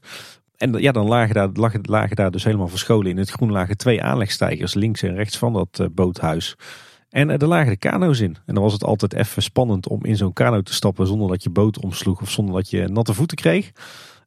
maar zeker op de warmere dagen, dan was het daar echt heerlijk toeven op die kanovijver. Ik weet dat wij geregeld met eh, een hoop uh, vrienden, een hoop Efteling-fans, dat we zeker op, op warme zomerdagen, dat we gewoon even een half uurtje gingen kanoën. Dat was mega relaxed, want je zat gewoon lekker in zo'n eh, zo'n stalen kano. Een beetje peddelen naar de Pegasus, naar de kurkentrekker. En uh, gewoon een beetje zo op dat water dobberen. Elkaar een beetje, een beetje klooien met water natuurlijk, een beetje botsen. Ah, je weet hoe dat gaat als tiener. Ik weet hoe dat gaat, ja. Ja, dat was echt uh, voor mij echt genieten. Dat mis ik toch wel. Dan ben ik benieuwd naar je andere actieve attractie. Ja, die komt dadelijk. Hè, die komt dadelijk. Oké, okay. ja. dan eerst uh, mijn nummer twee. Ik uh, mis um, de ja, een beetje random schuilmogelijkheden op verschillende plekken in het park. Oh. Die hadden we vroeger vrij veel. ik denk dat een paar die we absoluut moeten benoemen. Ten eerste is het waterorgel. Ja. er was een plek waar als het slecht weer was, kon je daar prima naar binnen gaan. Want, want wat mij betreft de schuilplek is dus een plek waar je heen kunt gaan en dat je niet verplicht wordt om iets te consumeren of zo. Want we hebben natuurlijk heel veel restaurants tegenwoordig waar we naar binnen kunnen. Je kunt er ook niet vanuit gaan dat overdekte wachtrijen de beste plek zijn om dan jezelf uh, te verschuilen. Want ja, je moet eerst een stuk wachtrij staan en die begint toch vaak buiten. Uh, maar ja, het weer kan natuurlijk op ieder moment omslaan. En vroeger was het park daar voor mijn gevoel iets meer op, of iets beter op voorbereid. Wat mij betreft was het absolute highlight uh, ook een plek die we wel vaker hebben aangehaald. Het prieeltje achter het spookslot. Oh ja, ja tussen het spookslot en het diorama. Ja. Dat, toen was de padenstructuur van de Efteling nog anders. Toen was er een direct pad vanuit eigenlijk de entree van het spookslot richting het diorama. En dan had je dan op een iets uh, verhoogd, uh, een, heuvel, klein heuveltje was daar of zo. Er lag een, ja, ook een soort aangestampte stuk grond met daarop een prieeltje. En dan kon je dan zitten. Dat was ook een favoriete plek voor mij om als ja. klein manneke langs te rennen. En wat dacht je van de twee schuilhutjes rond het Herautenplein? Ja, zeker. Er zijn ook een paar van. In uh, Lavelaar had je er nog wat meer, of in ieder geval aan de rand van daarvan. Daar heb, heb je overigens nog wel één zo'n heel klein afdakje zitten. Maar volgens mij is hij nog maar een halve meter diep. Dan, dan moet de, de regen, moet de winter wel heel gunstig staan als je daar droog wil blijven. Maar er waren vroeger voor mijn gevoel, uh, en als ik FTP mag geloven, en volgens mij op Efteling is het ook nog zelfs een puntje. Dan waren er vroeger veel meer van die schuilplekken verspreid over het hele park. En ik denk dat niet ergens als er weer een paar uh, extra zouden terugkomen. En een beetje gebeurt het wel. Uh, sowieso delen van wachtrijden worden nu sneller overdekt. Maar ook uh, bijvoorbeeld bij de Game Gallery die nu opnieuw is aangepakt. En is daar een soort schuilhoek bij, uh, bij aangebracht. En je merkt ook wel dat als het dan gaat regenen. Dat dat ook echt wel een plek is waar heel veel mensen ja, gaan groeperen om een beetje proberen droog te blijven. Maar ik denk dat het nogmaals echt geen kwaad kan als op meer plekken in de Efteling meer van dat soort overkappingen zouden verschijnen. En het mooie is, we weten, dat kan vergunningvrij hè? Ja, precies. Dus ja, opgelet, Paul. houd ze tegen. Ja, ik zie dat uh, er op FTpedia daadwerkelijk een lemma is dat uh, luistert naar de naam schuilhut. En dan uh, zie je de, de, twee schuilhutjes die, waar ik meteen aan moest denken. Ah, ja. Eentje die stond rechts naast het huisje van vrouw Holle. Die werd trouwens pas in 2013 gesloopt. Dus dat zullen veel van onze luisteraars nog kennen. Paar houten balken met een dak erop met, met riet. En je had er zo ook nog eentje ongeveer op de plek ja, eigenlijk midden tussenin waar nu herberg de Eersteling en het, uh, het kasteeltje van de stiefmoeder van Sneeuwwitje staan. Daar had je zo'nzelfde uh, schuilhut. En er stond zelfs nog een heel mooi ornament op met uh, twee raven en een bloem. Wat we nu in het, het Efteling Museum terugvinden. En mijn favoriete prieltje staat er ook op, Tim. De schuilhut aan de, aan de laan tussen het diorama en het spookslot, zoals ze die noemen. Ja, oh Paul, als ik die foto zie, dan krijg ik weer echt een bergjeugdsentiment. En er stond ook op een klein heuveltje, dus dat klopt wel. Ja. Dat was trouwens ook een mooi stukje, mooi stukje Efteling. Ja. Dat kan je nu totaal niet meer voorstellen, maar dat was echt een, uh, echt zo'n, ja, eigenlijk een beetje een groene long midden in het park. Hè? Ja, zeker. Ja. Maar, maar vooral ja, met de nieuwe uh, infrastructuur die wel nodig was toen het aantal ja. bezoekers ook flink groeide. Ja, die heeft natuurlijk wel ervoor gezorgd dat dat is verdwenen. Ja. ja, ik denk dat ongeveer op die plek nu de, de brink zal liggen. Hè? Of ja, wat we inmiddels kennen als Harthof. Ja, misschien zelfs de Pardoespromenade. Ja, of Polles Keuken. Nee, volgens mij was het wel iets dichter bij het spookslot hoor. Ja, nee, klopt. Je hebt gelijk. De een beetje meer op de plek van de kluis, een beetje op die plek Ja. zo. Ja. Ja. Misschien was er iets ervoor. Nou, in ieder geval daar ergens. Ja. dan gaan we naar jouw nummer 1, Tim. Ja, actieve attractie. Actie, ja, actieve attractie. Ja. Eh, de roeivijver. Hey, Ja, had hem ook al genoemd, Ja, hè? zeker. Ja, ik, ik heb net al georeerd waarom ik de kanovijver zo'n fijne plek vond. Maar de roeivijver vond ik nog net wat fijner. Omdat je net wat comfortabeler in zo'n roeiboot eh, kon stappen. En er net wat minder risico was om eh, om te slaan. En het was, het was ook meer een familieattractie. Ik weet, niet, ja, ik, weet niet of jij die vaak met je opa of met je familie hebt gedaan. Met mijn opa niet, maar wel eh, in de beginjaren toen Anne en ik net een relatie hadden. Ah, Toen ja. zijn we geregeld gewoon eens op een zaterdag of een zondag. Als we tijd in overvloed hadden en het was, eh, was mooi weer. Gewoon even een, eh, een half uurtje de Vondelplas op. Lekker in zo'n roeiboot met z'n tweekens. Ja, ik baal er ook echt van, misschien dat het daarom ook nu vrij hoog op mijn lijstje staat, dat ik het niet met de kinderen heb kunnen doen, zeg maar, in Ja. Efteling. Dus In zo'n roeibootje zitten en, en daar een beetje Ik over de rand hangen. Ik, ik, ik, ik zie het helemaal voor me, Ja. maar het kan niet. Ja, ik snap wel dat het is verdwenen vanwege Aquanura. En natuurlijk is Oh, zo'n ja, ja. zo'n zo'n zo'n slotshow is, is gewoon een goede vervanger. En eh, ja, ik kan, ik kan me echt al voorstellen dat je dan zegt van nou, we vinden zo'n slotshow belangrijker dan een roeivijver. Maar ja, toch mis ik hem wel hoor. Echt even lekker zo'n plek weer om te ontspannen, te genieten van, eh, van het weer, van het groen. Beetje actief bezig te zijn. Het, het was gewoon echt even zo'n relax moment op je dag Efteling, weet je wel. Als het dan lekker druk was in de zomer en het was warm, dan kon je daar echt even gewoon een half uurtje helemaal uit die drukte. Als je dan toch over escapisme hebt, dan eh, was zo'n zo'n roeivijver of een kanovijver. Ja, dat was natuurlijk echt wel eh, op en top escapisme. Ja. Ja. Es- eigenlijk escapisme binnen het escapisme. Ja, ik kan het alleen maar mee zijn, Tim. Ja. Ja. Ja, het was gewoon een schitterende plek. Eh, mooie vijver, mooi groen rondom. Mooie wandelpaden ook. In ieder geval tot de komst van het, eh, het Efteling Theater. Ja, ja, dat klopt. Ja. Met, eh, met heel veel eh rhododendrons. Zo'n heuveltje waar je over heen kon lopen. Een paar mooie bruggetjes. Ja, ja dit was, de roeivijver was ik vroeger als kind en als tiener heel veel te vinden. Eigenlijk vooral als, als tiener, begin twintiger. En ja, ja, ik mis het wel enorm. Ja, Tim, er zijn denk ik luisteraars die bij het eh, zien van deze titel iets in hun achterhoofd hebben. Iets met drie letters denk ik, of niet? En die zitten al eh, de hele aflevering te schreeuwen van wanneer, waarom noemen jullie het niet? Dus dan eh, zal ik het allemaal doen als mijn nummer 1. En dat is natuurlijk de originele film van Pandadroom. ja, dat oh nee, wacht. Nee, oh nee, wacht. Ik zit de verkeerde lijst te kijken. Nee, de Bob natuurlijk, Tim. De Bob, ja. De Bob. Bij mij stond hij in mijn eervolle vermeldingen. Maar dat was ook omdat ik vrij zeker was dat jij hem ging noemen. Nou, het was misschien ook wel de meest opzichtige. Ik, ik, ja, ik mis de Bob. Ik mis de Bob, toch wel. Ja. En ik, ik, niet omdat Max Morris nou zo'n verschrikkelijke vervanger ervoor vindt of zo. Het is gewoon die unieke ritbeleving die we nu niet meer in het park kunnen ervaren. En eigenlijk op vrij weinig plekken in de wereld. Ik snap ook hier weer aan de andere kant waarom die is verdwenen. Maar toch mis ik het wel. Je ziet dat de Efteling de laatste jaren, zeker naar, eh, nou, laten we maar de fiasco's noemen van Droomvlucht en eh, de Vliegende Hollander, toch eerder kiezen voor eh, de bewezen techniek. Ja, proven technology. Ja, en de Bob was, bent als een plaaste, nou, zat er op het randje van, denk ik. Ja, Maar de risico's nemen ze niet meer. En dat, dat neemt wel een aantal unieke ervaringen in de Efteling weg. En de Bob was er nog eentje die we wel jarenlang hebben gehad. Misschien ook veel langer dan dat in, andere, in een ander park had gekund. Hij was ook een paar keer ook gewoon bijna verdwenen. maar het was toch gewoon een standaard attractietype van Intamin in de jaren tachtig. Alleen de, de houdbaarheidsdatum was blijkbaar niet zo heel lang. Want er zijn er vrij veel geplaatst, maar ze zijn ook vrij snel weer verdwenen. Ja, Ik klopt. denk dat er niet heel veel zijn die meer dan 15 jaar eh, hebben bestaan. Dus wat dat betreft hebben we heel veel geluk gehad dat we er zo lang nog van hebben kunnen genieten. Ik vind het ook heel tof dat ik er bij mijn kinderen nog eh, in ben. eh, ja, zeker. in, in, in heb gekund. Maar ik mis de Bob wel. Ehm, dus nogmaals, met name de ritbeleving. Er ook wel een beetje die wachtrij. Het Is groen, wel- ja. Met, toen het vervangen was, een vrij robuuste eh, wachtrij met een mooie overkapping eh, er ook boven. En dat je daar tussen de bomen heen keek, af en toe het zoevend geluidtoren langskomen. Dat stationsgebouw eh, vond ik ook wel aardig. Kijk, uiteindelijk, het was niet echt een typisch Eftelings attractie. Dat is niet de reden dat ik hem eh, dan eh, mis. Eh, ik denk dat het wel, en dat is wel het grappige eigenlijk, dat Robert Jabers toen vrij vaak, nou, niet direct zelf aangesproken, maar er is vrij vaak gesproken over als het in Efteling staat, dan is het Eftelings. Ik denk dat de Bob daar zelf eigenlijk best wel een heel goed voorbeeld van was. Ja, Dat, omdat het er gewoon zo lang heeft gestaan, is het er gewoon bij gaan horen. Uitgerekend als achtbaan. Nou, dat is ook wel een discussie op zichzelf, wapen. Die hoef ik nu verder niet te houden. Maar wat mij betreft klopt dat. En qua achtbaan was hij gewoon super uniek. En ja, ja ik, ik mis hem toch wel. Ja. Ja. Ja. ik moet zeggen, ik, ik zit nu ook weer wat, eh, ondertussen wat foto's terug te kijken. Ik baal ervan dat ik hem niet in mijn lijstje heb gezet. Maar goed, eh, dan haak ik gewoon aan bij jou. Ja, ook ik mis de Bob wel hoor. Ik denk dat, dat Max en Moritz thematisch en kwalitatief en als gezinsbeleving veel beter is. Ook veiliger, eh, zeker Ja. eh, met slecht weer. Maar ja, ja, wat ik ook mis aan de Bob is eh, ja, vooral die ritbeleving. Dat vrij uit door de baan zoeven. Iedere rit is toch weer anders. Zeker als het een keer eh, regende, dan eh, was het extreem spectaculair. En ik weet dat mijn, eh, mijn oudste dochter, die is er nog best vaak in geweest. Die vond de bob geweldig. En er was natuurlijk niks leukers dan met je, met je jonge dochter naast je in de bob door die, door die goot glijden. En, en toen vond ik dat we het er van de week thuis over hadden. En toen vroeg ik aan haar van, joh, wat, wat vond je nou eigenlijk leuker, de bob of Max Moritz? Ik was heilig ervan overtuigd dat ze ging zeggen Max en Moritz. Maar ze vond, ze vond de Bob leuker. Hm. Want ja, Max en Moritz was dan maar saai. ze, nou is ze waarschijnlijk ook wel verwend met eh, flink wat achtbaanervaring op haar uh, vijfde jaar. Maar uh, nee, maar ik moet zeggen, ik vond het station ook nog best wel fraai aan de buitenkant. Ja, aan de buitenkant vooral. Ja, heel veel groen en ja, die ritervaring. Ja, ik ben het wel mee eens dat we de Bob niet meer hebben is wel een gemis. Aan de andere kant snap ik ook heel goed dat hij er niet meer staat en dat hij ook niet meer te redden was. Ja, wat ik er niet aan mis trouwens zijn die oude karretjes.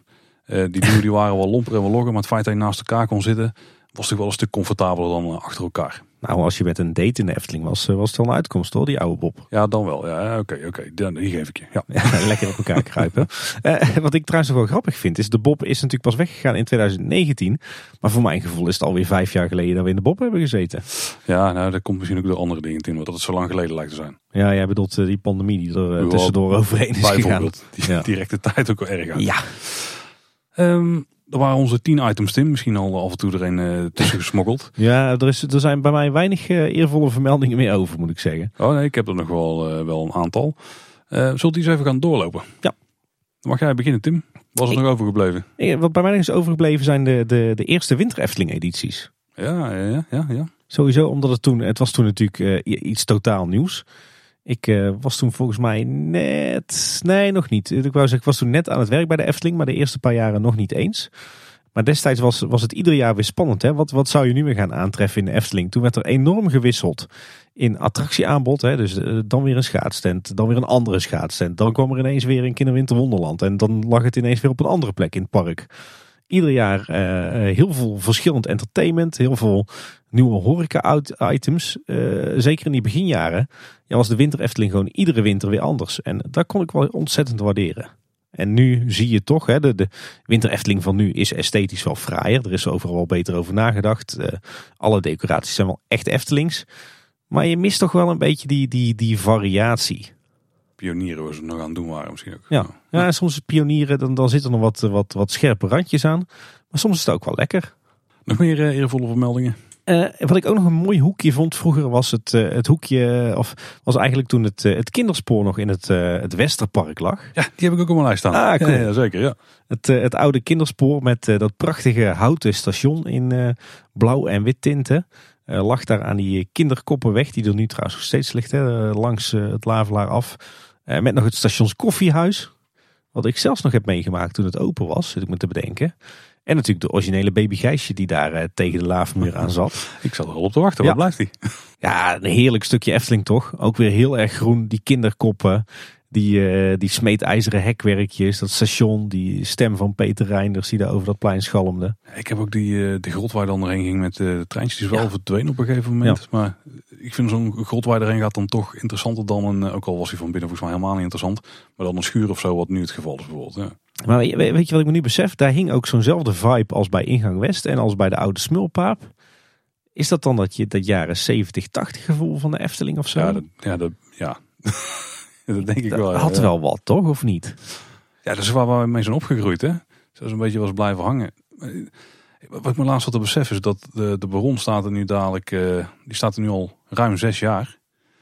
Toen wij voor het eerst in de Efteling een beetje kwamen, toen, Fatima Gaan was zelfs nog nieuw. Maar heel veel dingen die wij nu echt als classics uh, zien, die, die stonden toen ook pas zes jaar. Als zeg net, maar. ja. ja. Dus heel veel van die dingen zijn gebouwd in begin jaren tachtig, of een beetje midden jaren tachtig, zeg maar.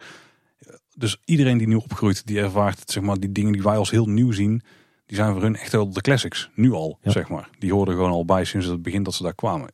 Heel bijzonder hoe die, ik ben heel benieuwd hoe die dan straks terugkijken uh, als hun zo'n lijstje zouden gaan maken over een jaar of uh, 25. Ja, ik weet dat, dat onze luisteraars vaak jonger zijn dan wij, soms zelfs uh, 20 jaar jonger. Ja, die kijken denk ik toch heel anders aan tegen ja, de Efteling van nu dan wij. Ja, en, en nog een laatste puntje. Ik had ook wel wat etenswaren die ik mis. Ik had er ook eentje.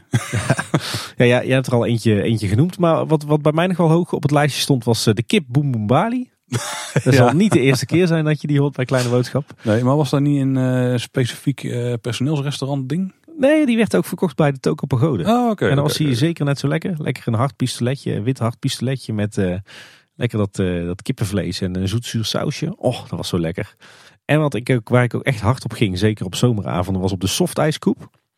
Je had eh, de koep nostalgie bij de Hoorn des Overvloeds, de koep horror bij de Witte Walvis en de koep oase bij De oase. de ja. En wat ik ook heel tof vond in eh, begin jaren negentig, heb ik ook, was altijd vaste prik met mijn opa, eh, is het oude witte paard, waar we het net al even over hebben gehad. Daar was het in oktober altijd de echte soepmaand. En dan werd er, werd er echte, ja, vers erwtensoep gemaakt. En dan kon je een grote kom erwtensoep krijgen met echte roggebrood en spek.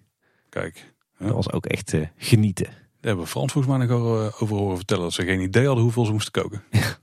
maar als Tim kwam, heel veel in ieder geval. Kleine Timmy toen hè. Kleine Tim, ja, ja, zeker. Ik heb nog een lijstje, ik zal er eh, proberen vlot doorheen gegaan.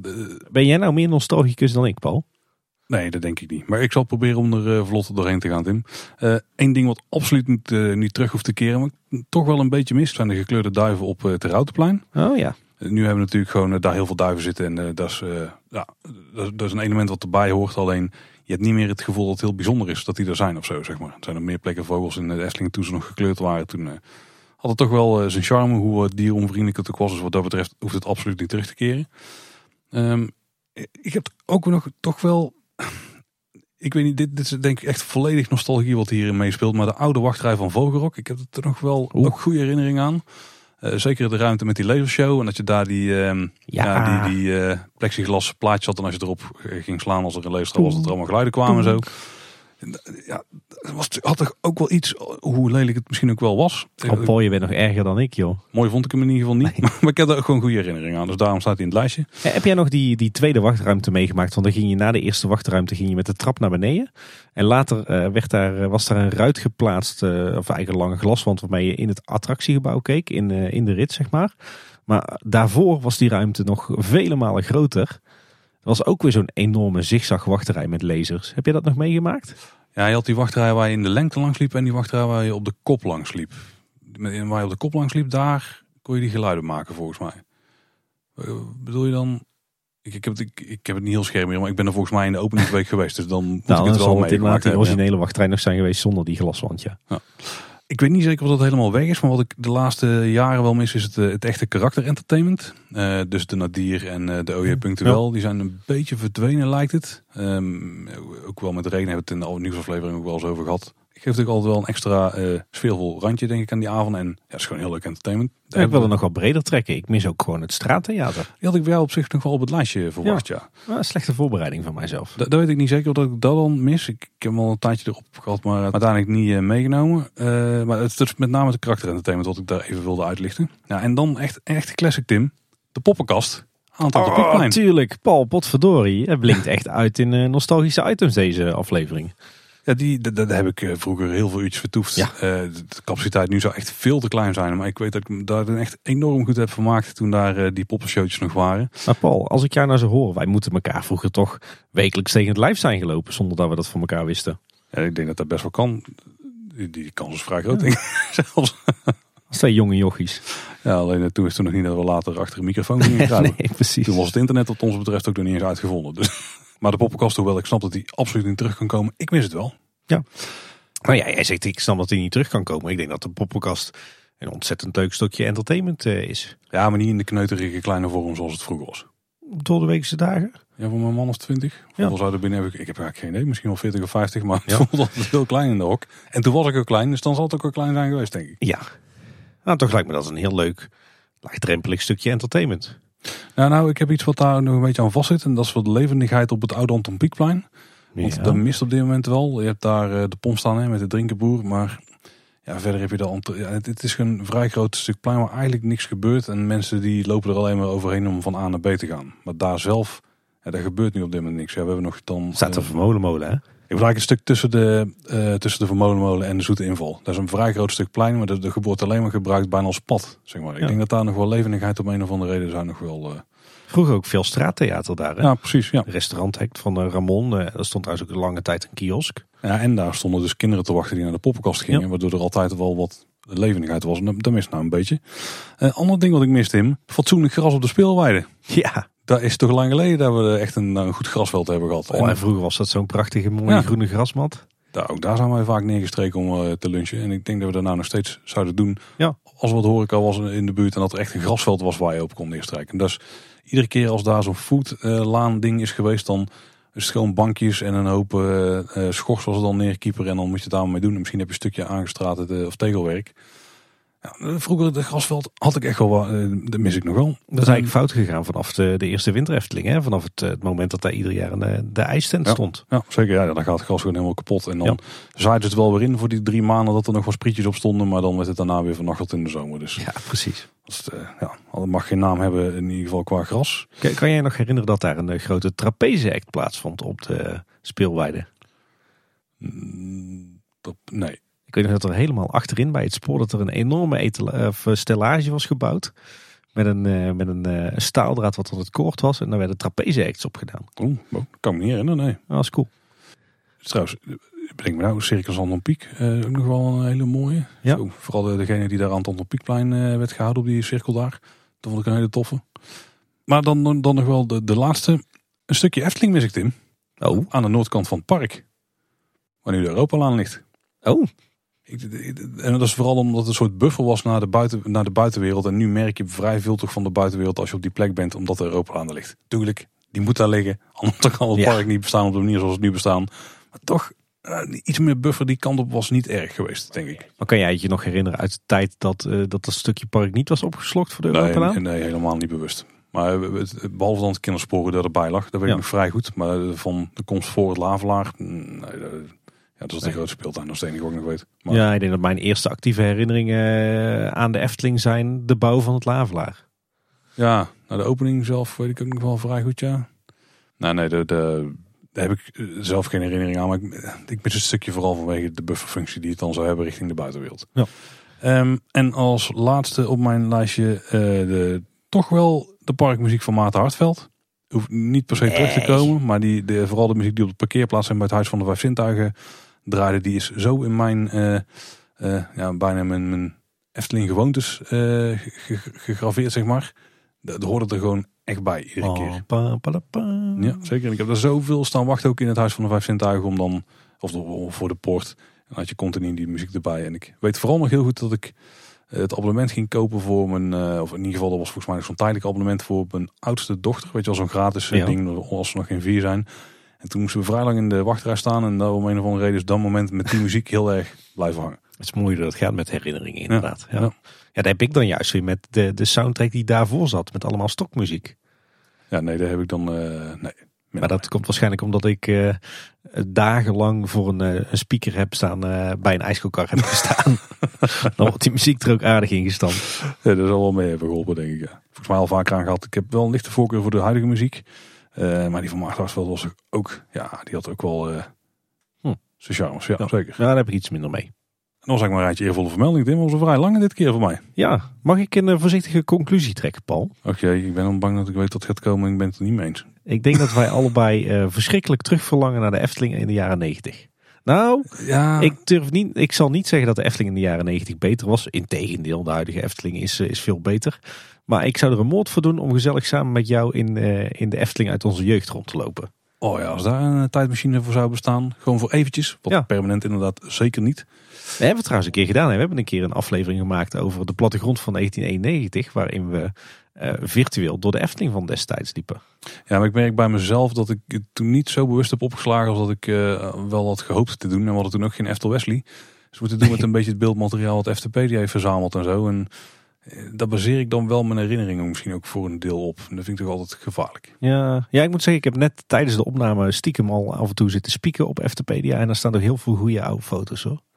We hebben gehoord dat ze bezig zijn met eh, de jaartalpagina's. Hopelijk gaan die heel erg helpen om eh, daar ook eh, weer een beter, om een beter tijdsbeeld te krijgen bij alle verschillende jaren. Het is een mooie trip down memory lane, eh, Paul. Zeker. Ik eh, denk dat de huidige Efteling zeker mooier is dan vroeger. Maar ik denk dat ons park er eh, in onze kinderjaren toch ook wel prachtig uitzag.